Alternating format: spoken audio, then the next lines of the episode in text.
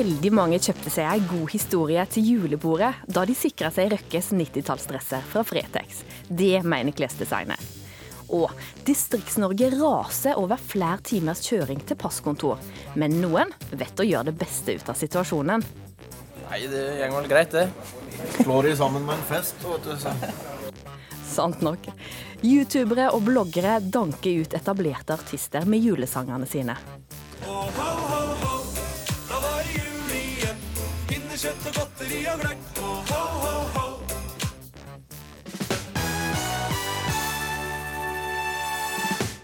Velkommen til ukeslutt her i NRK P1 og P2 når vi skriver 1. desember. Jeg heter Ann-Kristin Listøl. Og en kinesisk forsker sier at han har klart å redigere genene til et ufødt barn. Barnet som nå er født, skal være immun mot hiv. Hva kan dette være starten på? Det skal vi finne ut mer om i løpet av de to neste timene. Dette er Kiss Me med Sixpence None The Richer.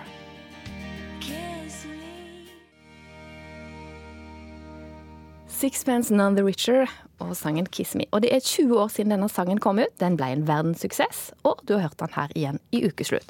Men fra gammel til ny musikk. Oi, oi, oi, nå har det skjedd igjen. Det er lille julaften, mat og gaver har jeg glemt. Jeg er akkurat som deg. Jeg klarer ikke vente til jul. Og kanskje ønskelisten min har blitt for lang. Men jeg håper nissen gir meg det jeg vil. Disse tre sangene ligger på topp ti over musikken som er aller mest strømma i Norge nå. Og de ligger langt over de etablerte artistene. For det er jo 1. desember i dag, så vår reporter Kari Li hun har fordypa seg i julemusikken. Vi snakker jo da om de nye norske julelåtene, som noen vil si er både tullete og ikke så veldig julete. Og hvor er det kristne budskapet? Men veldig fengende, da. Og felles for de er at de blir framført av noen som ikke er musikere i utgangspunktet. Men er det dermed sagt at det er lett å lage en julehit? Det var jo noen dager etter at vi hadde sluppet den. da. Eh, Så kjørte jeg bil og for en gangs skyld ikke hørte på noe fra via iPhonen. og Hadde på radio, så kom den på radio, det, og det syns jeg var gøy. Erik Follestad, kjent som ishockeyspiller, er plutselig blitt artist. Oi, oi, oi, nå har det skjedd igjen. Det er lille julaften, mat og gaver har jeg glemt. Utgangspunktet for å lage låten var vel at jeg aldri skulle gi ut låt. Eh, Det var vel egentlig utgangspunktet, og det er jo som å kaste fyr på Nei, fyr, bensin på bollet til Mats. Mats, det er Mats Hansen. Han med sommerkroppen, vet du. Eh, og dermed så satte han, han i gang hele prosessen og kidnappet meg og tok meg med i studio, og da hadde vi det gående. Follestads juletragedien går godt. Den er spilt rundt fire millioner ganger på strømmetjenesten Spotify. Oh. Eh, jeg tror ikke den har redda noe liv. Eh, men, eh, men hvis det kan gi folk litt glede i hverdagen i form av at de syns den er kul og, og fengende, så er jo det veldig hyggelig. For vi har allerede pynta treet, og vi har pakket alle gavene. Jeg gleder meg til Nå er det jul fra youtuberne i Splayers strømmes også mer enn vanlige artister. Da er humøret mitt på topp, for jeg vet hva som skjer. Jeg vil bare ha det gøy og danse rundt i ullundertøy. Isabel Eriksen er kjent fra Paradise Hotel. Det er det du får. Hun sminker seg og prater på videoer som ses av over 50 000 følgere på YouTube. Og så er det a cappella også. ikke? Med låten 'Nå er det jul' er reality-deltakeren blitt sangartist. Ja, nei, det er jo selvfølgelig litt autotune på Spotify og det du hører, så Du kan avsløre det. jeg kan avsløre det. Eh, Nå har vi over to millioner streams, er jeg veldig sikker på. Um, og vi ligger jo på sånn andre-tredjeplass på Spotify. Det er jo veldig gøy. Vi har jo liksom nesten slått ut alle andre artister som er artister. Vi er jo ikke egentlig artister, så det er jo ekstra gøy, da. Ja, Hva tenker du om det? At eh, Astrid S er eh, lenger ned på lista, og hun har jo brukt lang tid på å lage med ny musikk nå? Det er jo liksom bra for oss, men så er det jo sikkert veldig kjipt for de som faktisk er artister, da. Men eh, det får de bare regne med. Det er en julelåt, og det er liksom Det er snart jul, og det er koselig, og sangen vår er jo ikke dårlig, syns jeg. Men eh, vet du hvor mye dere får per stream? Du, jeg vet faktisk ikke. Så det er ikke sånn at du kan ta deg en ekstra friuke eller liksom dra på ferie til et flott sted, eller Altså, det kan jeg jo på en måte uansett. Men um, det er ikke sånn at vi er rike på den låta her. Det er det ikke. Men jeg håper nissen gir meg det jeg vil. For i år har jeg vært jævlig snill. Håper nissen har råd med russelåtkongen Tix gjør det også godt på strømmelistene. Det virker ganske lett å få suksess med julelåter, men er det det?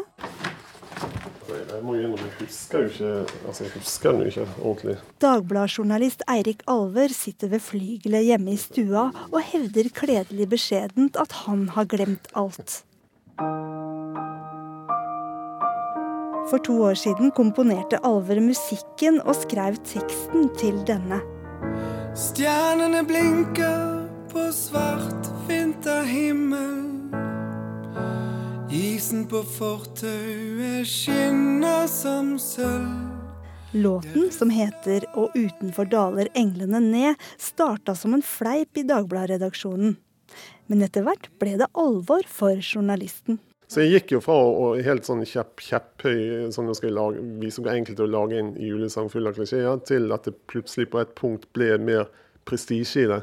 At jeg begynte å synes at det var egentlig at det, var, det hørtes ikke så verst ut. Og, og det kunne være gøy hvis jeg faktisk klarte å få til noe mer enn bare lage en artikkel om hvor lett det er å lage en julesang. Eller vanskelig. Begynte du å drømme om eh, royalties? Altså Skal jeg være helt ærlig, så skrev jeg det i den saken at jeg drømte om det, men jeg har kanskje aldri helt gjort det. Som kommersiell julemusikk er kanskje den mest spekulative sjangeren som fins.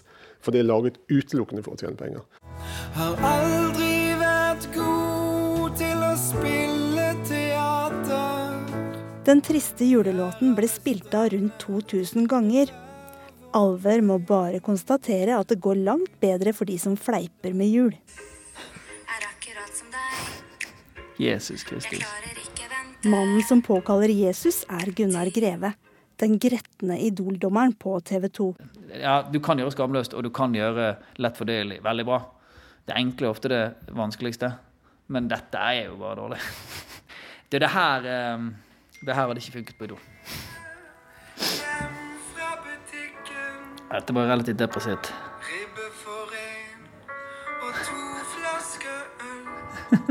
Dette er på en måte litt et seriøst forsøk, men det flyr ikke helt hos meg. Litt fordi at du prøver å legge deg for tett opp til noe som kanskje allerede er gjort en million ganger før.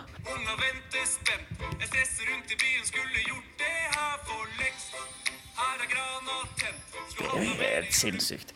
Um, jeg har lyst til å utfordre en eller annen der ute uh, til å gjøre en mashup av Hey Ho med Freddy Kalas og Erik, juletragedien med Erik Follestad og Line Meister. Det kan være at uh, Follestad og Meister skylder, uh, skylder Staysman og Freddy litt uh, gryn her. altså. Det er litt royalty som må utveksles, utveksles under juletreet. Du mener at de kommer til å tjene gode penger på disse? Ja, ja. Noen strever mye, andre nesten ikke i det hele tatt. Og det kan virke som det er det siste som gir uttelling på hitlistene. Hva tenker låtskriver Greve om det? I Norge så har vi en sånn veldig sånn skille mellom harrymusikk og, og, og, og ordentlig musikk. da. Og Det gapet det skillet blir større og større. eh, Og det største eh, kan du si, største skillet er at den eh, harrymusikken eller tullemusikken gjør det stadig, stadig, stadig bedre. Det må vi gjøre noe med. Seconds from my was almost love. Artisten Regan Boneman med sangen 'Skin'. Hva skal til for at folk står i lange køer for å kjøpe seg en 90-tallsdress? Jo, Art Kjell Inge Røkke gir bort 300 designadresser til Fretex. Her i Ukeslutt så møter du straks disse to som lot seg rive med av Røkke-salget. Nei, jeg angrer litt på at jeg ikke kjøpte den dobbeltspente jakka. Jeg følte da jeg prøvde den at den var litt kort i armene. Men det kunne man jo både lagt ut, og for det andre så, så er det litt kult med dobbeltspent. da. Ja.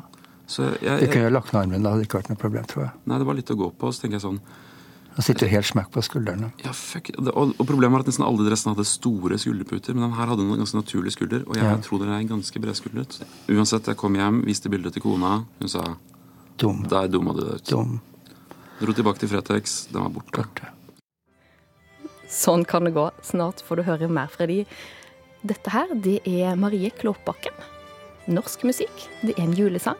Den heter Før meg heim. Du hører den her i Ukeslutt i NRK.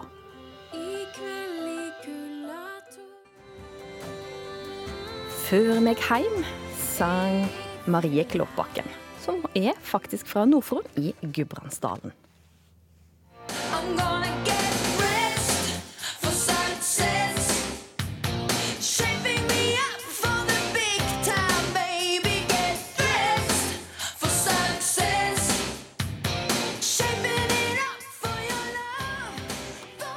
Ja da, luksusdresser fikk menn til å gå mann av huset på Fretex denne uka. En anonym person hadde nemlig gitt bort 300 av sine skreddersydde dresser i kasjmir, ull og silke fra kjente og dyre designere.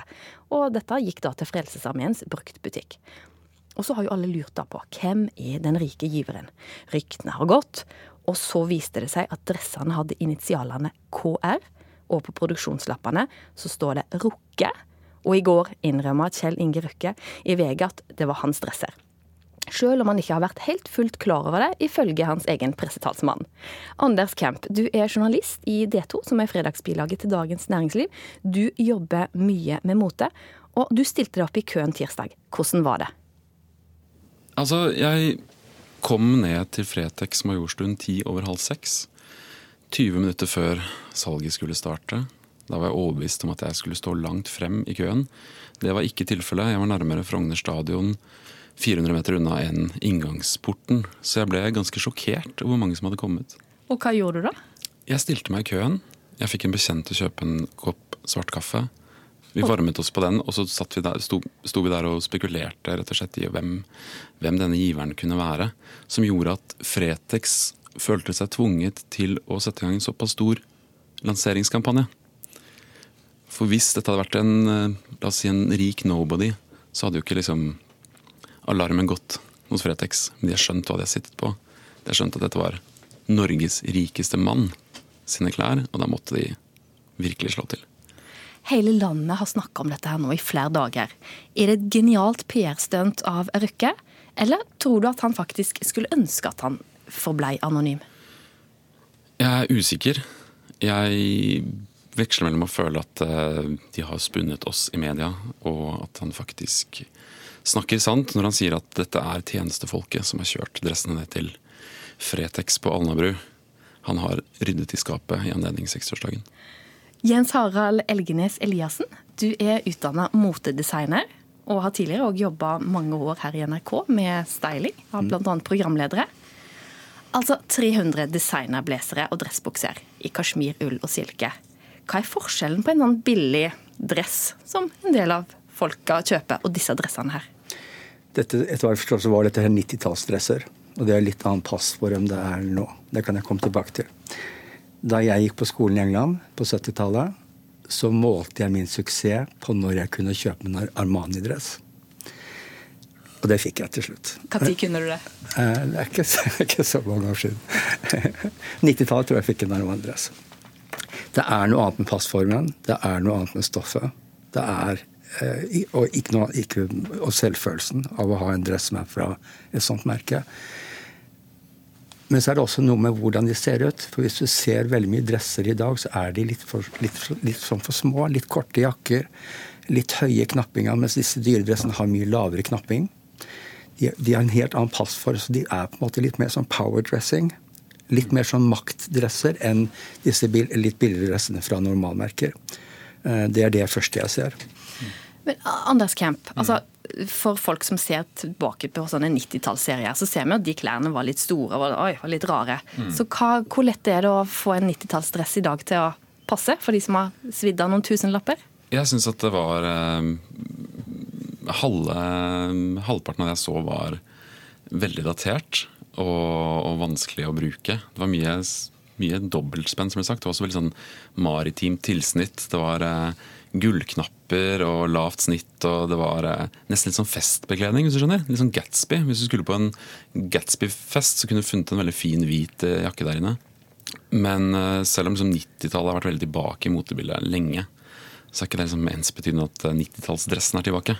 For det var veldig mye sånn ballongbukser, og du skal være veldig sånn du skal være veldig slank og veldig vakker for å pulle off mange av de dressene der. Så ja, Men det var også mye kult.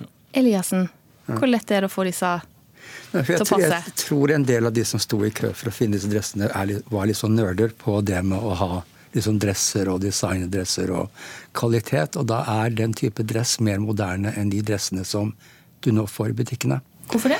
Nei, fordi det er litt moderne nå med disse litt store dressene eh, og disse kjempesvære frakkene. De er jo veldig tilbake. Så jeg tror hvis du vet hva du leter etter, så er det sånn dress du vil ha. Og kunnskapen er fryktelig mye høyere nå enn bare for noen år siden. Og da jeg vokste opp Jeg husker at jeg, var, jeg blir 40 straks. Jeg husker at jeg var ganske sånn alene i å være moteinteressert på 90-tallet. Nå sto det menn i køen rundt meg, rundt 30, som hadde masse kompetanse. Som måtte hjelpe meg inn i butikken når jeg prøvde jakker. Og, selv om jeg liksom er motejournalisten. Det er veldig, veldig mange menn rett og slett som er interessert i, i denne type bekledning. Men du, det, det er noe du angrer på at ikke du kjøpte? Jeg angrer på at jeg ikke kjøpte en dobbeltspent jakke, som jeg gjerne skulle hatt nå i julestrien og et kommende 40-årslag. Så nå Jeg dro faktisk tilbake til butikken for å sjekke om den fortsatt hang der. Det gjorde den absolutt ikke. Og mens jeg sto der og snakket med betjeningen, eh, så tror jeg det kom kanskje fem-seks menn bort. Og lurte på hvor dressene fra denne donasjonen var, og da kunne de melde om at alt var borte. Bortsett fra noen av de ballongbuksene jeg nevnte. Det var rett og slett eh, en helt sånn formidabel promoteringskampanje for Fretex der. Og det tenker jeg det er det absolutt kuleste med hele stuntet. Det er at de fikk inn eh, noen millioner kroner før jul. De rapporterte om at de hadde solgt, solgt til 400 kunder for over 1000 kroner. Og mange handla for mye mer enn 1000. Uh, og det var en lang kø, og i dagene som kommer, kommer det til å være mange som kommer til å bare stikke innom butikken for å se etter retur. Og jeg vet ikke, det er liksom en Jeg ser ikke at det er noen som taper i den saken her. Det er bare vinnere, på en måte. Så tror jeg veldig mange kjøpte en historie. Ja. Også den historien kommer til å gå lenge. på en måte Jeg kjøpte en dress, og jeg var med dette hype, og så fikk jeg en røkkedress. Og, Mm. Så jeg tror veldig mange kjøpte historien og kjøpte liksom hele pakka. Hvordan tror du det hadde vært å gå i en av dressene til Kjell Inge Røkke? da? Jeg kunne godt ha tenkt meg det hvis den passa. Hvis den var liksom i, til min kropp, og sånn, så hadde jeg ikke hatt noe imot det. Og jeg kunne også syntes det vært morsomt å gå på julebord med den historien. Enig. På at jeg hadde kjøpt liksom Stått i køen og Dele svette med Norges rikeste ja, mann. ja, ja. Hadde det vært Jeg, jeg kom jo da hjem med en Brioni-skjorte som det står KR i- brodert i ermet. Og jeg syns jo det er også litt tøft. da Og synes jeg det er ekstra tøft at han liksom når han har handlet da i, i Roma disse skjortene og dressene, så, så har han droppet Inge. Det er KR, det er kroner, liksom. Jeg tror han har liksom gledet seg over det. Men hvorfor har folket vært så nysgjerrig på, på hvem dette er? Det er janteloven, tror jeg. Muligheten for Jeg å tror at vi, vil, vi ville finne ut hvem det var, så vi skulle enten slakte han, eller elske han, eller like han Mm. for det han eller den personen har gjort. Og jeg liker at det er Røkke. Jeg liker han enda bedre nå, selv om han ikke har gjort det sjøl, tror jeg. Jeg er enig. Jeg føler meg som sagt litt sånn brukt. Som Så jeg har brukt tid på det her, men, eh, men også fornøyd, for det var jo faktisk eh, eh, jeg som hadde tilgang på denne lappen fra Hotell Continental, hvor Røkkes navn sto, eh, og som da mm, liksom presset på gjennom Dagens Næringsliv for at Rolf Næring, Røkkes pressetalsmann, skulle bekrefte. da. Og Det gjorde han til slutt, dessverre ikke i vår avis, men det var en veldig god og morsom sak for oss. Jeg kjøper litt at kanskje ikke Røkke visste det. Og hvis han visste det, hvem bryr seg? Det er en Mm. utrolig gave. Ja. Og selv om ikke alle dressene er fine, så var det også masse fint. Jeg synes det er dritkult og helt enig. De julebordshistoriene de kommer til å, de kommer til å være helt rå. Og oppmerksomhet har det iallfall fått. Takk for at dere kom hit, Jens Harald Elgenes Eliassen og Anders Kemp.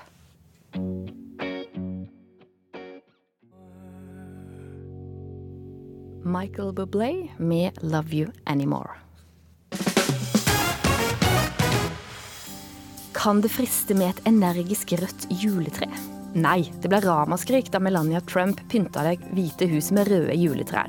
Presidentfrua ville blitt kritisert uansett hvordan hun pynter, mener estetiker Ragnhild Brochmann.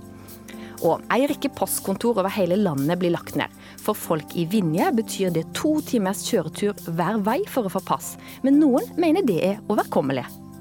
Hvis du ikke greier å sette av fire timer i løpet av to år, så så henger det vel kanskje litt på planlegging her, da.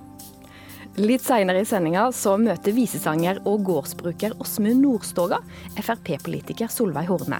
Vil hun klare å overbevise han om at det regjeringa gjør er riktig? Det er ikke sikkert.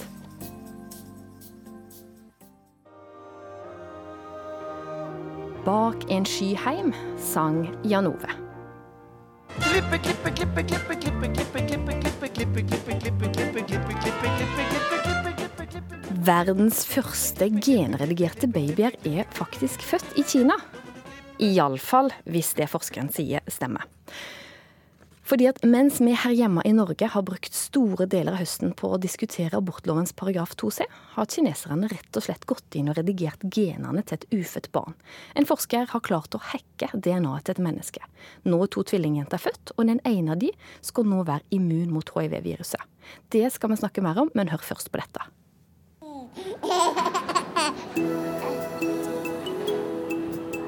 Hvis du hadde fått muligheten til å kunne velge å redigere på ditt barn sine gener, ville du ha gjort det da? Jeg hadde ikke valgt det for barnet mitt. Jeg vil ha, Han skal ha sin egen gene. Ikke, jeg vil ikke bytte på det. Ja, faktisk. Nei, det er fordi at jeg har eh, erfaring med å ha et funksjonshemma, multifunksjonshemma barn. Hadde man villet fjerne det hvis det var mulighet til det? Mest sannsynlig ja. Jeg syns det er litt merkelig å skulle redigere på noe som allerede er som det er, på en måte. Hvis du kunne valgt egenskapene til barna dine, da, hva ville du ha valgt da? Jeg vil at han skal bli frisk, bare. Omsorgsfulle, arbeidsomme, positive. Alle ønsker jo seg et friskt barn. Det er litt rart å skulle tenke på hvis mamma og pappa hadde redigert på noe med meg, på en måte. Nei, jeg syns det ble litt feil.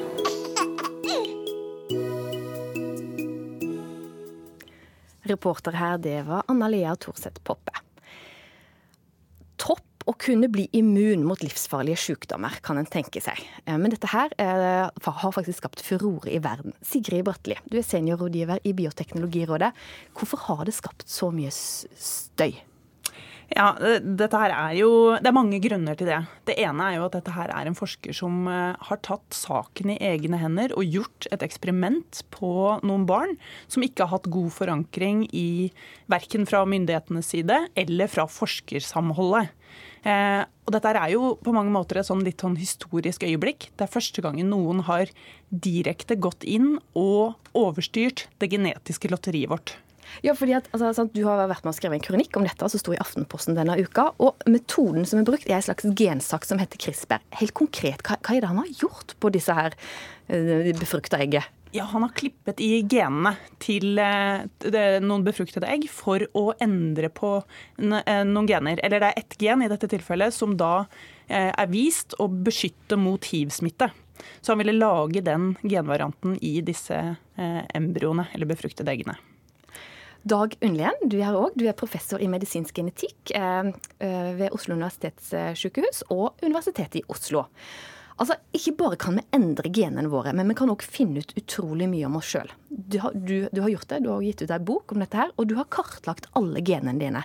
Hvordan var det å sitte og vente på å få resultatet? Nei, det er klart det var litt spennende, men samtidig så, var jeg, så kjenner jeg jo meg selv fra før og de skavankene jeg eventuelt måtte ha. Sånn at jeg, jeg forventet egentlig ikke, selv om jeg ikke kunne ha noen garanti for det, så forventet jeg ikke å få noen store overraskelser. Men spent, det var jeg, for du kan aldri garantere, helt, uh, garantere det helt. Altså, Jeg hadde jo vært vettskremt. Hva fant du ut? Nei, jeg fant ut at jeg var bærer for noen såkalte eh, sykdommer. Altså det vil si at jeg er ikke syk selv, men hvis jeg har, skulle få barn med en annen som var bærer, så ville det være en sjanse for at vi kunne få syke barn. Uh, og så fant jeg ut at det var noen medisiner som jeg kanskje med fordel unngår.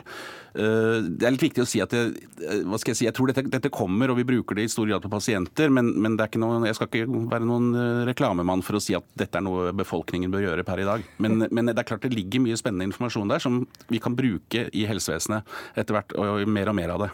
Ja, for Sigrid Bratteli, altså, Først så kan vi finne ut hva vi er disponert for, sånn som han har gjort. Og så, hvis denne CRISPR-gensaksa fungerer vel så bra etter hvert, så kan vi gå inn og redigere. Hva er mulighetene i framtida her? Eh, Ja, det er jo ganske ubegrensa med muligheter hvis man ser på det fra et rent sånn teknisk perspektiv. Altså Når det gjelder særlig sykdom og der hvor det er få gener som eh, påvirker om du er frisk eller syk, så er jo egentlig veien ganske kort til å da endre på det. Fordi denne her gensaksa CRISPR, den kan man programmere til å endre sånn som man vil. Kan vi klippe vekk sånn at eh, ingen får type kreft, eller at de som har ALS Noen type kreft er eh, genetisk disponert for, ja. At det er enkelte mutasjoner som gjør at du har en høyere sjanse for å få kreft. Og det kan man da eh, klippe vekk eller endre eller reparere på en måte. Men Unnlien, hva kan gå galt på veien her? Jeg jeg tror det er en, en veldig viktig ting som det er viktig å understreke, selv om dere kanskje har vært inne på det, det er at det det er stor forskjell på om du redigerer et gen inni kroppen din, eller om du redigerer på kjønnsceller eller befruktede egg. Det å redigere på, gen, på gener på enkelte celler inni kroppen din Altså det- type etter at du er født, hvis du ja, redigerer noe på meg. Ja, altså du tar, tenker at det nå er det et gen vi ønsker å sette inn i leveren din. Et nytt gen. Du mangler noe i leveren din, og vi prøver å sette inn et gen for å se om vi kan korrigere det. Det vil de fleste si at er normal medisinsk forskning, en akseptabel risiko i en del tilfeller, hvis sykdommen er alvorlig nok og risikoen vurderes som relativt liten. Det, det nye her er at man har gjort dette arvelig. Altså Man har påvirket sånn at dette er en endring som i og for seg er irreversibel. Hvis disse barna igjen får barn, så har vi fått denne endringen inn i befolkningen vår. Eh, Og det, Der har det tidligere vært en, satt en rød strek og sagt at denne grensen bør vi ikke krysse. Noen har sammenlignet det med at hvis du Altså at er, Hvis du hva skal jeg si, produserer, feilproduserer en bil, og så kan du kalle tilbake bilene og kjøre de på dynga. Det er vanskelig å se for seg at du kan gjøre det samme med mennesker som eventuelt eh, har, har fått noe feil og som har kommet inn i befolkningen på den måten. Så det er, det, det er, jeg tror det er viktig å si at jeg tror skepsisen her dreier seg ikke om genredigering som sådan, men det store her er at man har krysset den grensen og gjort det på, sånn at det blir arvelig. Dette går i arv i disse familiene. Ja, eh, Noe av det som, er, eh, som gjør det attraktivt å gjøre denne typen arvelige endringer, er at det kan være veldig vanskelig å få god effekt hvis du allerede har blitt syk. Eh, og det å reparere nok celler i en voksen kropp er teknisk veldig krevende. I et befruktet egg så har du én eller noen veldig få celler som du skal få det til på, og da forebygger du sykdommen. Du blir aldri syk i utgangspunktet. Og det er derfor folk ønsker å gjøre dette her. Men, men sånn, da kunne vi jo egentlig bare redigert bort all elendighet da, i dette her befrukta egget, og så lage mennesker som ikke blir syke. Ja, det er jo mulig med denne teknologien. Nå skal det sies at de aller fleste er enige om at vi er, det er for tidlig uansett å gå denne veien. Fordi teknologien er ung. Vi har ikke testet den grundig i denne konteksten enda. Og det har man jo også sett på noen av de forsøkene som har blitt gjort i laboratoriet på befruktede egg, at det kan bli feilklipp, og det kan bli upresise klipp. Du, kan, eh, du får ikke nødvendigvis til akkurat det du prøver på. Enda, i hvert fall. Så det trengs jo veldig mye forskning før man i det hele tatt kan diskutere det. Og det er derfor folk er så sjokkert over at denne kinesiske forskeren har allerede laget barn av dette her. Ja, og litt sånn, Hvis dette her eh, kommer i feil hender, da, hvis det er en terrorist som får tak i dette her og vil slette ut eh, en type mennesker, vil det være mulig? Unnlien? Ja, nå spør du, du kan hva skal jeg si, det, det er eksempler på i andre dyrearter hvor man har prøvd å sette inn genendringer som hva skal jeg si, gjør at folk blir, blir sterile, f.eks. Uh, mygg og andre typer ting. Jeg, jeg ser ikke helt for meg at det skal skje at det er Men, men altså, hva skal jeg si, det er, dette er god mat for science fiction-litteratur for tiden. Å skrive om eh, og tenke på hva som potensielt kan komme til å bli brukt. Når det gjelder stor grad, hva skal jeg si, utrydde alle sykdommer, som du sier, så er det viktig å være klar over at per i dag så er det et stort flertall av sykdommer hvor vi ikke kjenner til hvilke gener vi skal i så fall gå inn og, og endre på. Vi har ikke nok kunnskap. Så det er, noe, det er de typisk sånne sjeldne, klassiske arvelige sykdommer som er de som, hvor dette nok først kommer til å bli diskutert og tatt i bruk. Til slutt her da, Hvis dere kunne plukka en ting sjøl som dere ville redigert bort ved dere sjøl? Og ved meg selv. Jeg har jo ikke kartlagt genene mine, så jeg vet jo ikke hva som er der engang. Eller en egenskap? En egenskap? Nei, jeg tror jeg er ganske fornøyd sånn som det er. Jeg- Jeg stoler litt på genlotteriet enn så lenge. Unnlien? Nei, jeg tror heller ikke jeg har noen jeg har, Det er ikke på ønskelisten min til jul å få redigert noen gener. Kanskje det heller skal være på ønskelista vår, og være, eh, at vi klarer å være ansvarlige nok til å ta imot denne nye teknologien, som både kan redde liv, men òg komme i feil hender hvis vi ikke er ansvarlige nok? Var det godt nok oppsummert? Ja, og jeg tror nok denne utviklingen kommer til å gå veldig veldig fort framover, så det er bare å bli med i denne debatten. Sigrid Brattelie, seniorrådgiver i Bioteknologirådet, og Dag Underlien, professor i medisinsk genetikk ved Oslo universitetssykehus og Universitetet i Oslo. Tusen takk for at dere kom til Ukeslutt.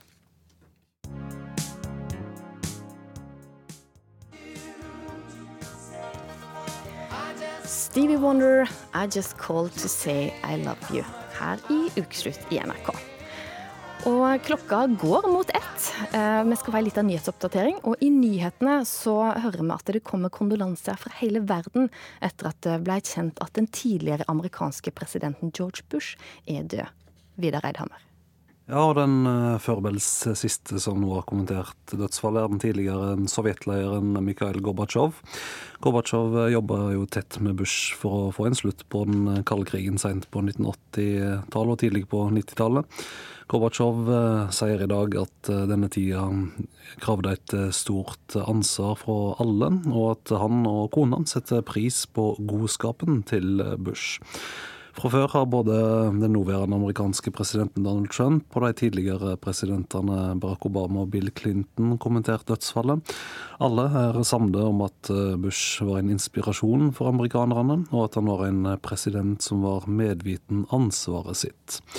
Han fikk altså bare én periode som president, men han satt likevel nær makta på hele 80-tallet. Før han ble president, var han nemlig visepresident under Ronald Reagan. Bare åtte år etter at han tapte presidentvalget for Bill Clinton, opplevde han altså at sønnen George W. Bush ble president, og George W. sier i dag at faren var alt en sønn eller ei datter kunne ha bedt om. Her hjemme så har politiet òg startet opp igjen en leiteaksjon etter en savna 18-åring. Hva kan du si om det? Odin André Hagen Jacobsen fra Skaun forsvant etter en bytur til Trondheim for to uker siden. Men i går så ble det funnet gjenstander som kan bli knytta til han på Brattøra, og derfor så starter søket opp igjen i dag i dette området. Både brannvesen og Røde Kors deltar, og det er også satt inn båt i søket. Det er helg, det er lørdag. Veldig mye sport i dag òg. Det er det, og spesielt på Lillehammer, der verdenscupen på ski holder fram. Kvinnene har gått ti eh, km um, langrenn individuell start, og der vant nær sagt som venta Therese Johaug ni sekunder før svenske Andersson. Nett nå så går mennene 15 km, og så er det også cupfinale i fotball for kvinner i dag. Og alt av sportsarrangement kan du følge i NRK sine kanaler, på radio NRK Sport, eller på nrk.no, eller på det vanlige fargefjernsynet. Takk til deg, Vidar Eidhammer.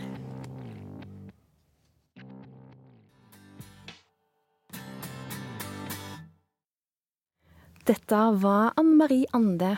På norsk heter sangen 'Drømmeløs vei', og det samiske navnet skal jeg faktisk ikke si, for jeg føler at jeg kommer til å si det så feil at det bare er skjemmende. Men det var Anne Marie Ande som var artisten. Veien til passkontorene blir stadig lengre i distriktene. Forståa er sånn at for folk i Åmot i Vinje i Telemark er det i dag én times kjøretur til Seljord for å få pass. Men når dette kontoret blir lagt ned, da må man til Notodden. Da blir det fire timers kjøretur totalt. Vår reporter Britt Bojesen har rett og slett tatt oss med på denne ruta.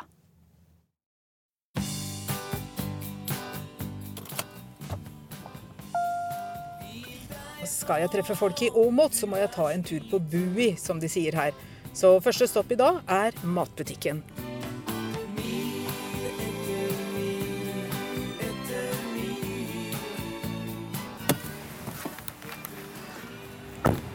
På butikken i Åmot så treffer jeg eh, Jon Marius Årstad og sju og en halv måned gamle Viljar. Når fikk dere pass sist? Det må vel være rundt et par år siden. Men hvor fikk du tak i det passet da? Da måtte vi til Seljord. Nå så hører jeg rykter om at vi må reise litt lenger. Det stemmer. Når du skal fornye passet ditt, så må du til Notodden eller til Skien. Ja, Det er jo unødvendig langt, da. Men dere har mista det her i Åmot eh, allerede for fire år siden. Ja. Og folk klarer jo å komme seg til Seljord. Det er en, en time til maks da, til, til Seljord sammenlignet med to. Du må ta en dag da, for at du skal ordne deg eh, pass.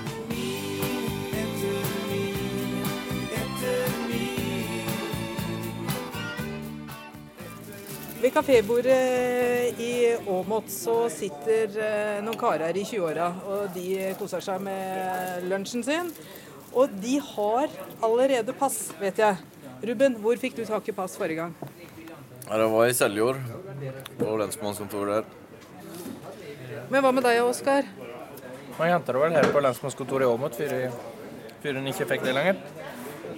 Men når du skal fornye neste gang, så må du til eh, Notodden eller til Ja. Skien. Hva syns du om det? da? Nei, det går vel greit, det. Slår de sammen med en fest, vet du. To fluger i en smekk. Syns du ikke det her er noe problematisk i det hele tatt? Det kan kanskje være litt trøblete hvis du har unger og må annethvert år, men hvis du ikke greier å sette av fire timer i løpet av to år, så, så henger det vel kanskje litt på planlegging her, da.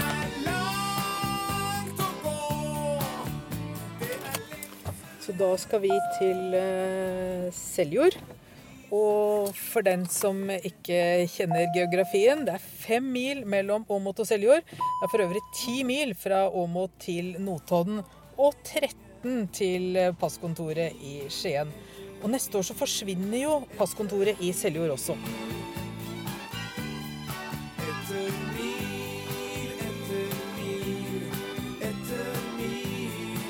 Da må seljordingene velge om de skal reise seks mil til Notodden eller åtte mil til Skien.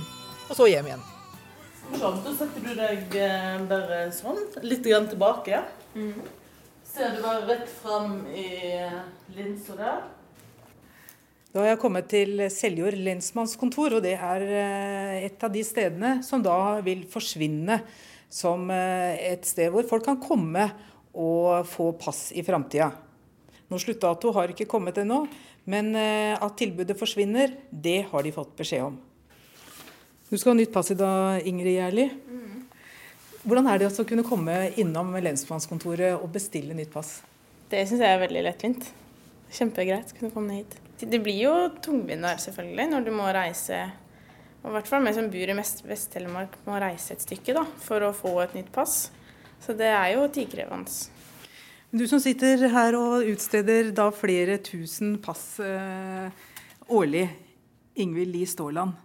Hvordan er det å miste den delen av jobben din som du kommer til å gjøre nå om noen måneder? Nei, jeg syns jo det er veldig trist, spesielt for publikum.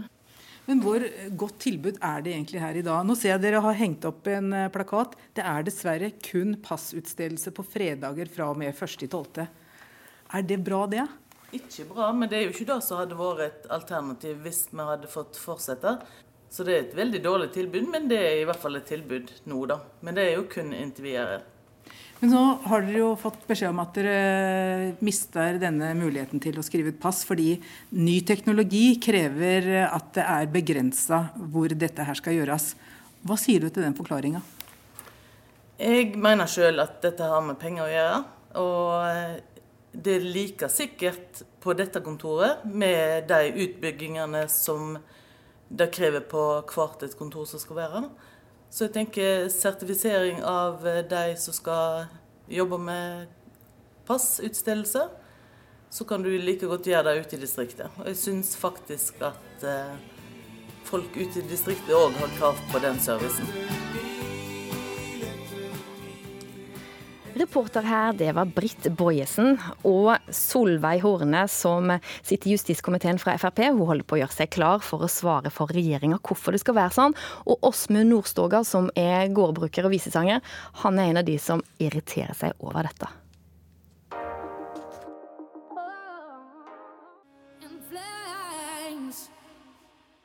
Det er jo det GTA sier, med Flames. Og vi skal fortsette med passkontoret. For nå har vi med oss Åsmund Nordstoga, som er gårdbruker og visesanger. Og du er òg gjestekommentator i Nasjonen. I dag så bruker du én time hver vei når du skal fornye passet ditt. Når du da kjører fra Vinje til Seljord. Men i framtida så vil det bli to timer hver vei, for da må du kjøre fra Vinje til Notodden. Hvorfor er dette så irriterende? Nettopp derfor at en eh, må bruke eh, faktisk hele dagen, blir det da i praksis. Når en må til Seljord for å få sitt pass, og eh, mot, eh, nei, til Notodden for å få seg pass. Mot eh, nå så kan kanskje greie seg med halve dagen, da. Og det, det er nå ei statlig tjeneste som burde være noenlunde lik for alle. som bor i landet, men eh, vi som bor eh, i utkantene, vi påregner litt tid til litt forskjellig. Så det er greit nok, men, men ikke hele dagen, liksom. Du har, ikke så, eh, du har ikke lyst til å gå i sånn debatt-debatt, så vi skal prøve å spille en sånn konstruktiv samtale nå og se om Solveig Horne klarer å både sjarmere og overbevise deg. Fordi at Solveig Horne, du er stortingsrepresentant for Frp, du sitter i justiskomiteen. Forklar for Nordstoga og alle andre som er irritert på dette, hvorfor er det nødvendig? Vi vet at eh, de norske passene er utsatt for en høy risiko, og vi trenger og vi skal få på plass nye pass, eh, og de skal være internasjonalt godkjente. Vi vet òg at det forsvinner ca. 30 000 pass hvert eneste år. Og det er altså fare både for svindel og, og, og misbruk og organisert kriminalitet. Og når da de nye passene skal komme om kort tid, så er det òg viktig at de plassene som skal utstede disse passene, at de er fysisk sikra, at de har god kompetanse, de, skal, de som skal, skal gjøre dette. Og Politidirektoratet sier vel at eh, et passkontor som skal utstede de nye passene, de bør eh, utstede ca. mellom 4000 til 5000 pass i året. Så har jeg full forståelse for at det er mange som bor i, i, i utkantsteder, at de får lengre eh, kjørevei for å få pass. Men så må vi ikke glemme heller det at pass er jo noe som du kanskje skal fornye hvert tiende år. Eh, og eh, det som vi legger opp til nå, er jo at du skal kunne tilby et mye bedre timebestilling. At du skal kunne få utvida åpningstider. Kanskje kan du åpne på søndagen òg. Eh, og du skal òg kunne ha en, en SMS-varsling, at du får en varsling når passet ditt går ut. Og så har også Politidirektoratet sagt at de nå jobber med for å se om de kan få på plass en mobil løsning, så at det kommer, om det er en buss som kommer og kjører rundt på, til, til, til bygder og kommuner som ikke som har lang reisevei, sånn at det skal være enklere òg for, for innbyggerne. Sier du at det kan komme en buss kjørende til Åmot i Vinje og si til Nordstoga hei, kom og få et pass? Jeg tror noe av det viktigste som kanskje kan bli innført, det er den SMS-varslingen.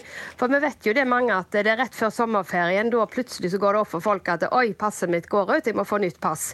Men at du kanskje kan få en SMS eh, noen måneder før du eh, passet går ut, at det minner deg på nå må du, eh, må, nå må du få fornya passet ditt, og at du kan bestille tid da, i god tid på forveien på, på, på, på nettet. Men så jobber de òg òg med mobile passkontor, som skal være eh, en, å komme ut eh, med jevne mellomrom da, til, til, de eh, kommunene som ligger lengst ifra det passkontoret. Ja, da skal vi slippe til her litt. Altså Nordstoga, det høres ikke ut som du kan få den bussen som kommer foran døra di, men du kan få en SMS. Er det noe her som virker betryggende? Det virker litt som pasientreiser på meg med den bussen. Eh, med, og de er vi heller ikke helt fornøyde med. Og så det er litt rart dette her at det skal være så veldig vanskelig å lage et stort passkontor f.eks. i Venje. for Der vet jeg at Venje kommune er villig til å betale det det koster å ha det passkontoret der. Altså, De er villige til å spleise med staten på det passkontoret. Så da feller økonomien eh, feller vekk. Og de 30 000 passene som blir borte årlig, de blir vel ikke borte fra passkontoret. De blir vel borte etter at de er ferdig produsert. Og en kan eh, kan gjøre et passkontor som er like trygt for, tjuveri og innbrudd og ran og slikt eh, på bygda. Det vil jeg nå tro går fint. Så jeg, jeg, skjønner ikke helt argumentasjonen som de bruker, for den eh, virker som den blir slutt på hele tida. Ja, for, og Solveig Horne, da skal jeg, trekke, Sol, Solveig Horne, jeg skal bare trekke ut ett poeng her, som han sier, og som du òg argumenterte med. Altså, Hvorfor blir det tryggere for Åsmund Nordstoga å hente passet sitt i Notodden istedenfor i Seljord, der han henter det i dag? Først og fremst så er det da den beslutningen om hvor du skal eh, legge disse passkontorene. De er basert helt på faglige vurderinger fra Politidirektoratet og de lokale politimestrene. Ja, men dere argumenterer med at det blir tryggere. Hvorfor det? Jo, av det at når vi skal få disse nye passene, for de nåværende passene vi har, de blir utdatert om få år. Og da har vi òg Riksrevisjonen påpekt at det det er for dårlig sikkerhet og kvalitet rundt de rutinene for å utstede pass i Norge. Og de sier òg i direktoratet at hvert kontor bør utstede mellom 4000 og 5000 pass hvert år.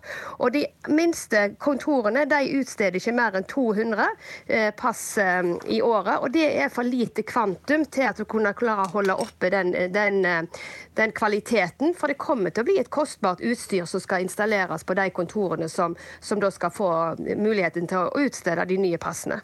Vi- Nordstoga, dette er jo litt samme eh, argumentasjon som når du legger ned sykehus òg. Det opererer ikke nok, derfor må du sentralisere.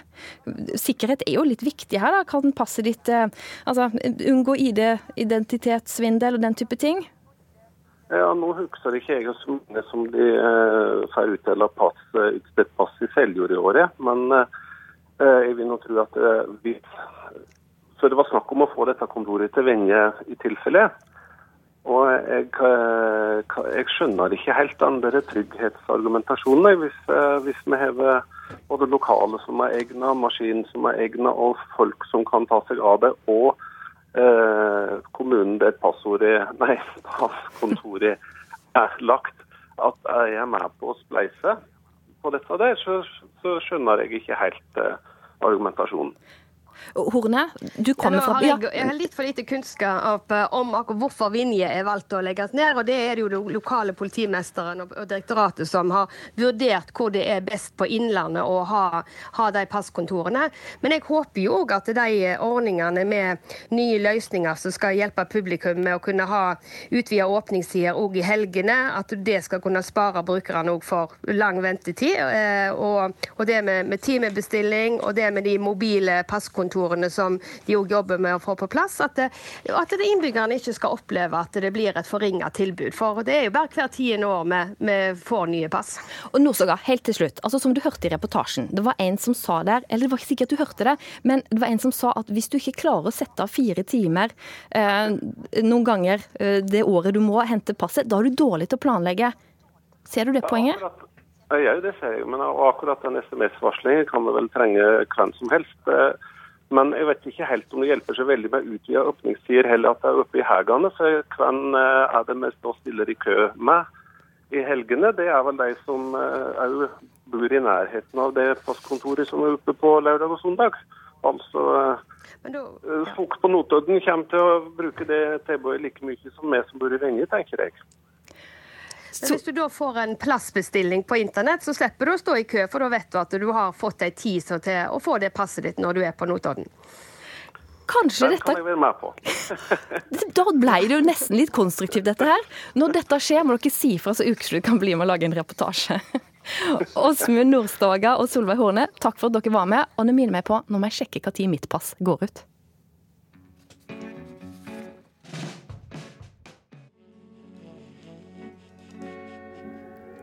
Stein Torleif Bjella, to måneder uten regn.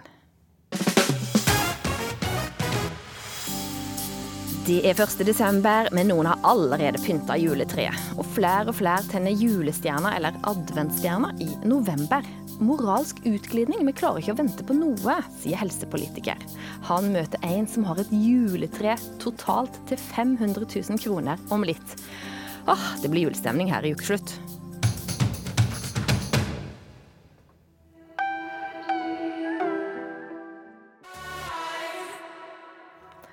Alan Walker med flere artister. Sangen den heter Dark Side. I mange land nå så begynner julepynten å komme på plass. Den har vært lenge på plass hos noen. Et sted som ble ferdig pynta denne uka, det er Det hvite hus. Men eh, disse røde juletrærne de skapte mye eh, oppstandelse. Og det er ikke alle som er like fornøyde med dekorasjonene der. Store, store juletrær. Ekte, selvfølgelig, med masse røde julekuler, masse, masse lys, masse bånd. Her er det navn på alle delstatene. Det sier Ragnhild Brochmann, avisa Morgenbladets estetiker. Og den julepynten hun snakker om her, har vært mye omtalt denne uka. For det er nemlig dekorasjonen i Det hvite hus, presentert av selveste førstedamen, Melania Trump. Jeg tar med meg Brochmann til en julebutikk i Oslo. Og blant halmhjerter og ydmyk norsk julepynt så skal vi prøve å finne noe som passer til en presidentfrue. Kanskje en glitrende enhjørning i glass. Men jeg tror jo at hun ville likt dette her ganske godt. Jeg tror det Hvis hun skulle prøve å gjøre noe litt nytt. You are all very welcome to visit the White House, the People's House.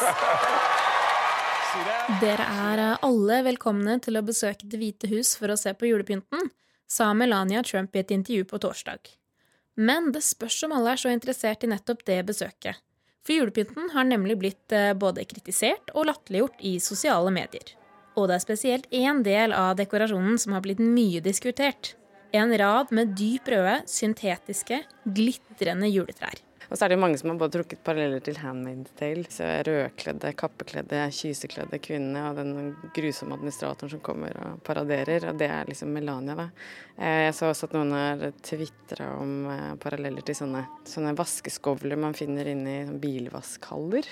For blant andre store, praktfulle grantrær med feite røde julekuler, tusenvis av lys og pepperkakehus, så mener altså enkelte at de røde juletrærne minner om alt fra slavekvinneantrekket fra TV-serien Handmaid's Tale til eh, tamponger og muppetdukker. Og jeg må spørre estetikeren. Er Melanias pynt virkelig så ille? Uansett hva slags jul hun hadde stelt i stand i det herlige hvite pepperkakehuset, eh, The White House, så hadde det vært eh, kilde til eh, folk som sitter og gosser seg og gnir seg i hendene over hvor håpløs hun er. Og helt siden det var John F. Kennedy som holdt til på det ovale kontoret, har det vært presidentfruens jobb å gjøre Det hvite hus klar for høytiden. Og da Michelle Obama stelte i stand julen, fikk hun en ganske annen respons. Melania hadde laget Michelles eh, jul, som var fylt av pepperkaker og litt sånn rotete, hjemmekoselig, men fylt opp i alle rom og gavestabler opp etter langs søylene og glitter og litt sånn tull og fjas. Eh, Og hvis Melania hadde laget den, så ville det sikkert sagt at den var banal, at den var litt stygg, at det var et forsøk på å være jordnær og varm som hun ikke er. Mens når Michelle gjorde det, så er det jo nettopp det at hun er en kvinne av folket. Hun skjønner hva barn vil ha, hva voksen vil ha, at hun er på lag. Men skal man tolke førstekvinnen selv, så har hun ikke ofret så veldig mange kalorier på å tenke på kritikken. We are in 21st century and everybody has a different taste. I think they look fantastic. Reporter i denne saken det var Julie Afshari Kaasa. Og jeg kunne godt tenkt meg å ha hatt et stort rødt juletre her i Ukesluttstudio, merker jeg nå.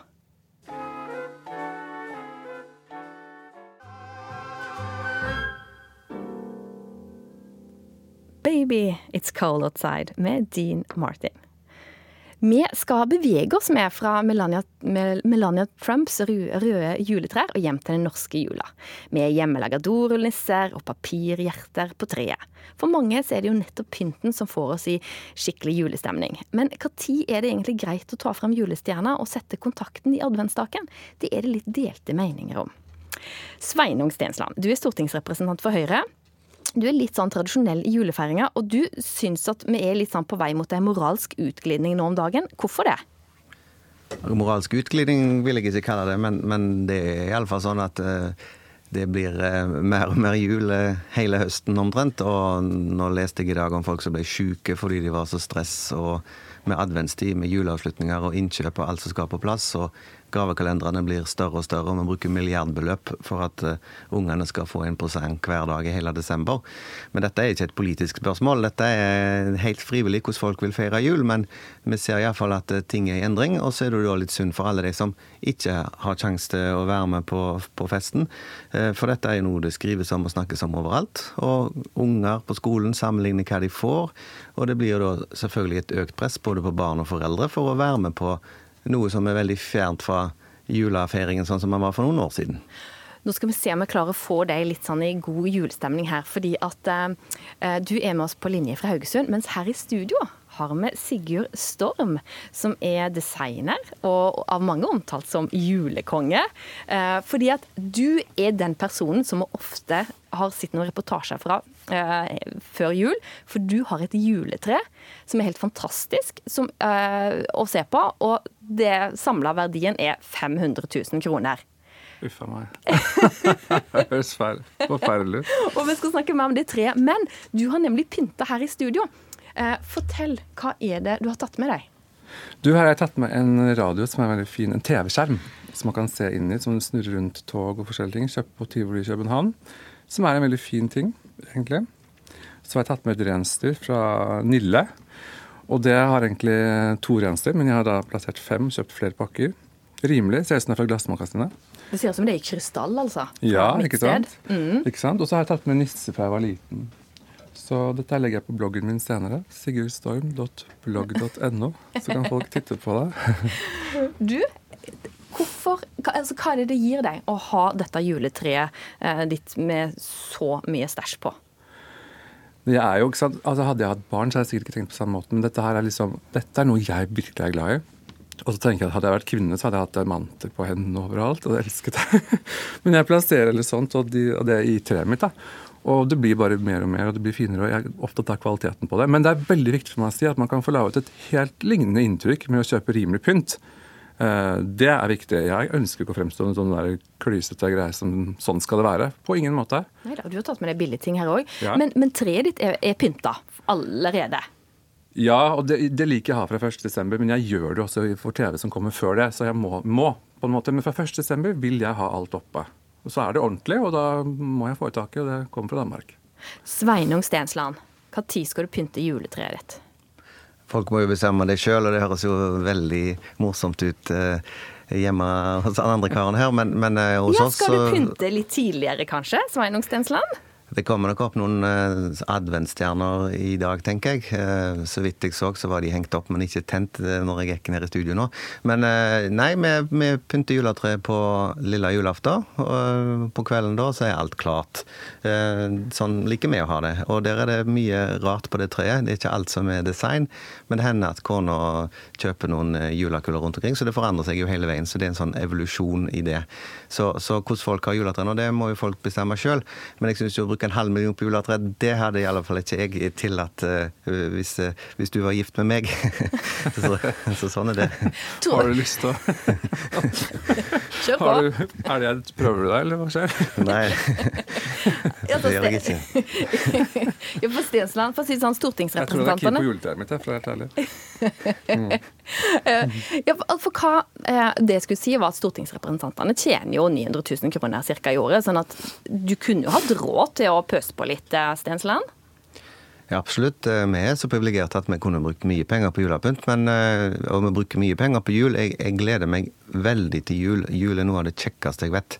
Eh, Og, og den følelsen når du kommer hjem til, til, til mor og far som vi feirer julaften hos, når alt er klart og julemiddagen kommer og familien er samla, det er helt fantastisk. Så det er ikke sånn at jeg er mot jul, men jeg, jeg er litt der at eh, vi trenger ikke ha jul i seks uker for å glede oss over julefeiringen som kommer på slutten av desember. Sigurd Storm, altså, vi, ser, vi ser jo en tendens til at vi pynter stadig tidligere. Så ser vi sånne debatter som går på sosiale medier. Er det innafor å sette opp eh, julestjerner nå, spør folk Ja. om tidlig i november. Men eh, hva er det et uttrykk for det at eh, det virker som at mange har behov for å eh, pynte tidligere, komme tidligere i Ja. julestemning? Jeg tror at det veldig mye, vi, altså vi får veldig mye fra USA. Vi får mye feiringer og halloween og alt mulig. Og vi trenger å glede oss og ha det gøy så mye vi kan ha det, mener jeg. Det er mye kjedelig som skjer innimellom. Og det at julen begynner Nå er det, nå er det 24 dager til jul, sier folk 1. desember. Det er bare tull! Altså Julekalender tas jo frem. Det er masse jul fra 1. desember. Og, og men hvis man plages av at folk feirer jul jul i butikker tidligere, så få deg en butikk, da, for pokker, og tjene penger på det. Altså, nei, jeg syns det er helt innafor. Og vi blir ikke lei. Vi begynner å glede oss allerede i august til julen og snakke om hvor vi skal på julaften, så det er ikke noe problem. Ja, altså, apropos butikk, Sveinung Stensland, du er vokst opp med å faktisk jobbe i butikk. Det er parfymeri, var det vel. Hva slags utvikling ser du med, med folk som at vi har behov for å få jula stadig tidligere? Nei, altså Butikkbransjen merker jo veldig altså Endringen i handelsmønster er jo noe som er et tema i, i min slekt. Fordi eh, julehandelen har forandra seg veldig med økt netthandel og økt import fra andre land. Eh, Og folk reiser mer, så folk kjøper mye mer varer når de er ute og reiser. Og det det preger jo butikkene, og vi ser jo at mange butikker sliter. Så det er en av de største utviklingene. Samtidig så er det jo positivt for alle som driver butikk at folk handler mer. Eh, og så har du bransjeglidning som gjør at de handler på andre steder om. Men hvis du ser en annen bransje, jeg jobber i apotekbransjen, så ser du jo nå apotekene er jo mye mer eh, kosmetikk og gaveartikler nå enn det var for noen år siden. Og eh, adventskalendere og kalendergaver har jo blitt en egen nisje bl.a. i apotek og andre gavebutikker. Så, det, du ser en veldig utvikling, at folk kjøper mye greier. Og min erfaring som trebarnsfar er jo at når du kjøper eh, billige plastikkting og dingser og sånn som du gjerne gir i kalendergaver, eh, så blir det søppel veldig, veldig fort. Så det er litt sånn rart at nå er nå helt er annen nå debatt. Ja, jo, men vi har eh, Den tar vi i men vi har januar, en- plastdebatten. ja, men vi har en utvikling der alle er opptatt av miljø, at vi skal bruke mindre, og at vi skal passe på naturen. Men når det kommer til julefeiring, da er det ikke måte på hvor mye greier vi skal kjøpe, og uten tanke for, for, for helheten. Ja. Der er dere to enige. er det- Der er vi helt enige. Det er ikke måte på. Vi skal bruke alt vi kan. Ikke sant? Eh, Men, men, ja, du- men eh, til slutt, da. eh, Sigurd Storm. Melanias røde juletre. Tommel opp eller tommel ned? Du, jeg syns det er fantastisk det hun har gjort, men de der trærne minner meg om rått kjøtt. Jeg syns ikke det er noe særlig. Stensland, tommel opp, tommel ned. Jeg syns det er langt ned på lista over fæle ting i Det hvite huset akkurat når Kan jeg stille et spørsmål? Har du barn, Stensland? Jeg har tre gutter. Den spartanske julen din, jeg syns du skal vurdere å adoptere dem bort. Til meg. Nei, altså, Til vi meg. har det, vi har det, veldig, det er ikke mye spartansk jul hos oss. Vi har en veldig altså. hyggelig feiring. ja. Nei, og jeg er ikke imot uh, å pynte med en halv million heller, hvis du velger å bruke pengene dine på det. Ja. Men det som var temaet her, var om ikke vi har kommet dit at alt handler om å kjøpe ting, og alt handler om å bruke ting, og så glemmer vi litt budskapet i jula, som er veldig det. viktig for meg. Det høres ut som uh, Stensland, at du kanskje har en invitasjon til å ta med deg barna dine på besøk til Sigurd Storm. Så får vi se om dere takker, imot den, takker ja til den invitasjonen. Da kommer de til å bli uenige med det etterpå. Da blir det dyrt etterpå. PlayStation, så kommer de. Bare kom, det er veldig hyggelig. Sigurd Storm, Sveinung Stensland, det var fire s-er på samme tid. Takk for at dere kom til ukeslutt.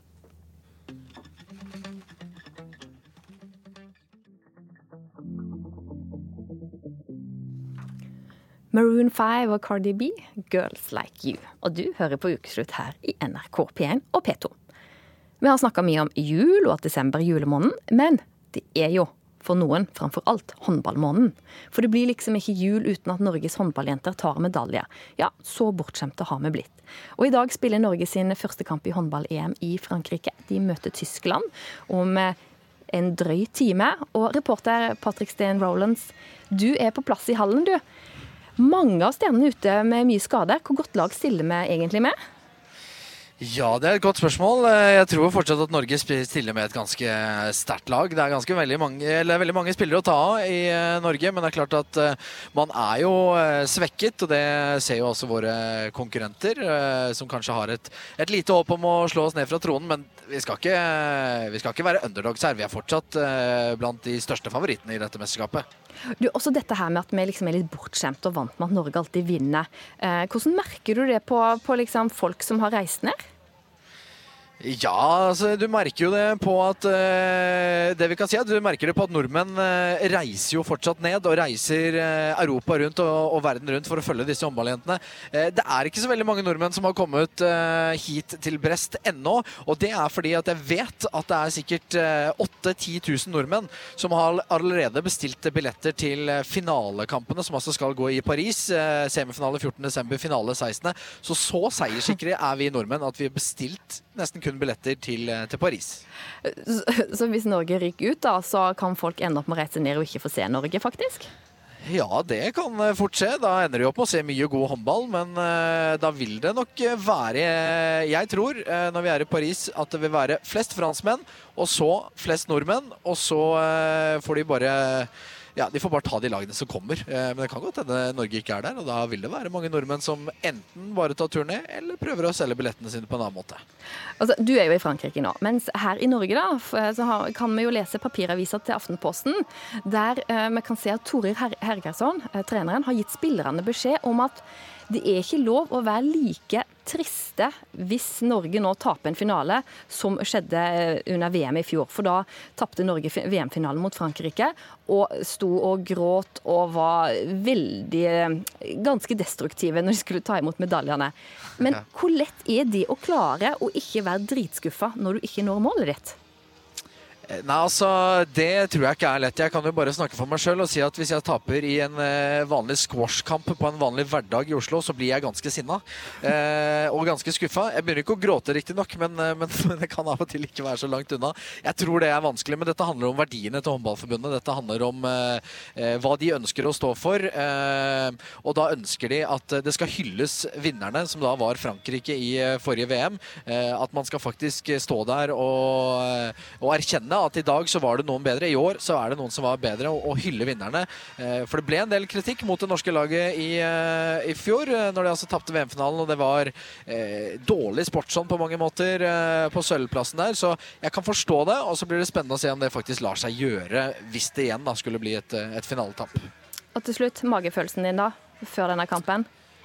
Magefølelsen for denne kampen eh, er ganske god. Eh, jeg tror ikke Tyskland skal være et eh, lag som Norge skal slite altfor mye med. Jeg tror den første virkelige testen kommer når Romania skal møte Norge i gruppespillet, og når vi eventuelt skal møte Nederland i hovedrunden.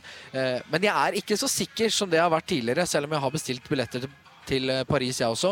Jeg frykter at det kan gå gærent, og at man ikke kommer til semifinale, men i dag så er i hvert fall pulsen relativt rolig foreløpig, for i dag så føler jeg at uh, de norske jentene skal være et par hakk bedre enn Tyskland.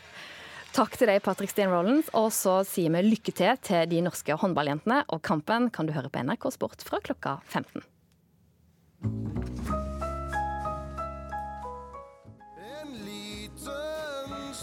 Jan Eggum, et kort sekund. Og et kort sekund, det var iallfall ikke sånn det føltes da Magnus Carlsen ble verdensmester i sjakk omsider denne uka. Og vi skal faktisk snart ha været og trafikken, men jeg har lagt merke til at statsmeteorologene har hatt en sånn særlig interesse for sjakk. Og jeg har gått forbi og sagt de er så opptatt av sjakk. Og Kristian Gislefoss, hva er greia med statsmeteorologer og sjakk? Nei, Det er et godt spørsmål. Nei, vi liker jo å følge med. og eh, jeg prøvde å tenke, vi, Det er jo litt likheter her. altså Vi sitter jo og vurderer og vurderer og vurderer på jobb, vi òg. Akkurat som Magnus Carlsen sitter og vurderer hvert eneste trekk han gjør. Så eh, litt sammenligninger eh, har vi. og ikke sant? Jeg vurderer blir det farlig vær? Er dette noe jeg må varsle om? Mens han vurderer hva skjer med dette trekket, og så tenker han langt, langt fremover. Og det gjør vi òg. Vi tenker jo langt fremover. Og bare, bare sånn, Vi har jo kraftige datamaskiner, og i, eh, de regner ca. 70 billioner regnestykker i sekundet. For et vanlig menneske så vil det ta ja, rundt 30 millioner år å regne ut. Så du kan tenke deg når Carlsen og Kariana sitter der og regner på alle mulige måter disse prikkene kan gå på, hvor raskt de kanskje hadde tatt disse regnestykkene. Ja, for Du har tross alt datamaskin datamaskin til å gjøre disse tingene, men han, han gjør alt i huet. Ja, ikke sant? Så ja, han har stående invitasjon for å komme og være statsmeteorolog en dag eh, sammen med meg. Altså. Det hadde vært kjempegøy. Tror du han hadde meldt været bedre enn det du gjør? Det er meget mulig, det. Altså. Han, har, han har vært flinkere til å bruke hodet. Jeg, jeg, er mer glad, jeg må jo ha datamaskin der, vet du. Så, men det er jo så sykt spennende å følge med på dette her. Altså, og, eh, ja, for du har sett alle kampene, eller alle remiene, var det ikke sånn? Jo, jeg har sett alle remiene og eh, siste hurtigsjakken-partiene. Så her gikk det utover legging eh, på hjemmebane og eh, kveldsvakter og ja, ikke minst TV-vakter. Altså, det å time TV-sendinger når det foregår spennende ting, det er, det er ikke så lett. Men en liten hemmelighet, vi har TV nede i studio òg. så du klarer å gjøre begge deler? ja, altså det blir et sånn halvt øye i kamera, et halvt øye bort på skjermen. Men eh, du pusta letta ut av han omsider vant, da kanskje? Ja, og det var deilig. Det var, det var sykt spennende, men eh, jeg kaller det det var ren grusing siste dagen. Ja, for i lynsjakken så var det De kalte det historisk at han slo han 3-0. Ja. Fabiano Caruana, var det riktig? Ja, ja, det høres riktig ut. Det er, også, det er så fascinerende. Altså, de, de, tenker jo så langt frem i tid. og så gjør de trekk som jeg tenker at her hadde jeg bare gønna på med dronninga, mens nei da, han trekker den tilbake, og så plutselig eh, fem-seks eh, trekk senere, så er den jo plutselig vunnet. Så det er liksom eh, Hvordan klarer du å tenke sånn? Altså, jeg været er egentlig fremover i tid. Skal vi se nå om du klarer å fortelle oss om været da, på, på en verdig måte som en verdensmester? Det skal jeg gjøre, vet du. Og um, vi kan jo begynne her i sør. Altså, det har jo vært litt sånn uh, regn som fryser på bakken og greier, har jeg fått med meg. Uh, Riktignok bakover i tid nå, for det, det, det, bør gi, ha gitt seg nå. Uh, men det kan nok fortsatt være litt lokalt uh, vanskelige kjøreforhold pga. dette. Veldig lokalt. Uh, for det blir oppholdsvær de fleste stedene på Sørlandet og Østlandet. Litt regn kan det nok fortsatt være på Østlandet, helt i nordlige områder. Og med litt snø i høyden, og så lokal tåke. Men så i kveld så kommer det nytt regnvær. Eh, først på Sørlandet, og i morgen så blir det en skikkelig gråværsdag på Sør-Østlandet. Perioder med regn egentlig hele dagen. Snø over en 200 meter, så du skal ikke veldig høyt. Så eh, fjellet i Sør-Norge, her blir det perioder med snøbyger både i dag og i morgen. Og lite nedbør egentlig nord for Jotunheimen. Og så vil det blåse en sørlig liten kuling, mestvind i, eh, i Jotunheimen, Trollheimen og Rondane med Dovre. Lengre vel, Vi må ta Vestlandet òg, forresten. Her ja, ikke glem Vestlandet, ja, nei, for all del. Ikke, ikke sant? Her får vi sørvestlig liten kuling. Ved Stad helt opp i liten storm i dag, og så ser det ut til at uh, vi får regnbyger, snø over 600 meter. Og så uh, i morgen så er det et nytt lavtrykk som kommer, og vinden kommer fra sørøst. Liten til stiv kuling. Periode med regn, snø over 500 meter. Trøndelag med Romsdal, eh, noen regnbyger i dag. Eh, og så blir det for det meste oppholdsvær fra i kveld av. Og eh, utover søndag minker vinden til en sørvestlig frisk bris. Men så kommer det etter hvert regn inn i Møre og Romsdal, og først om i morgen kveld i Trøndelag. I Nord-Norge en sør- og sørvest liten til stiv kuling, for det meste oppholdsvær. Men i Nordland her kan det komme litt regn. Søndag en sørlig stiv kuling og perioder med sterk kuling i Lofoten. Og i Nordland enkelte regnbyger i morgen, ellers oppholdsvei i Finnmark og Troms. Og til slutt Spitsbergen. Her er det østlig kuling utsatte steder, med litt snø av og til. Og så skal vi forflytte oss til Trondheim, der vi har Kari Stenhjem som sitter på trafikkvakt. Vi skal en tur ut i lørdagstrafikken. Det har vært glatte veier østafjells i dag, som hører. Hvordan er det nå? Ja, nå har eh, strøbilene vært ute på de store hovedveiene i alle fall, så det er mye bedre. Det var spesielt i indre strøk av eh, Agder-fylkene og i Telemark og Buskerud at regn frøs på bakken. Og det var mange utforkjøringer og kollisjoner tidlig på dagen, men det har altså roet seg. Men så hører vi jo nå at Gislefoss sier at det er mer regn i vente. og snø i høyden. Det er stengt over Sognefjellet pga. vanskelige kjøreforhold. Ellers kan trafikken gå som normalt på fjellovergangene over hele landet. Men merk at eh, Valdresflya er nattestengt fra klokken 20 hver kveld nå. Og så må vi få med at Rørosbanen er åpnet igjen for togtrafikk mellom Atna og Koppang. Der har det jo gått buss i stedet for tog etter kollisjonen på torsdag. Takk til deg, Kari Stenhjem, og til deg som er ute og kjører i trafikken. Kjør forsiktig. Dette er Lisa Nilsson.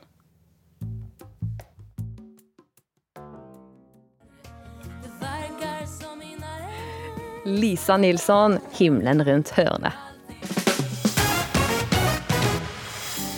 Ukeslutt går mot slutten, og ansvarlig for denne sendinga er Linn Beate Gabrielsen. Teknisk ansvarlig Finn Lie. Jeg heter Ann Kristin Listøl, og vi i Ukesluttredaksjonen sier god helg til deg.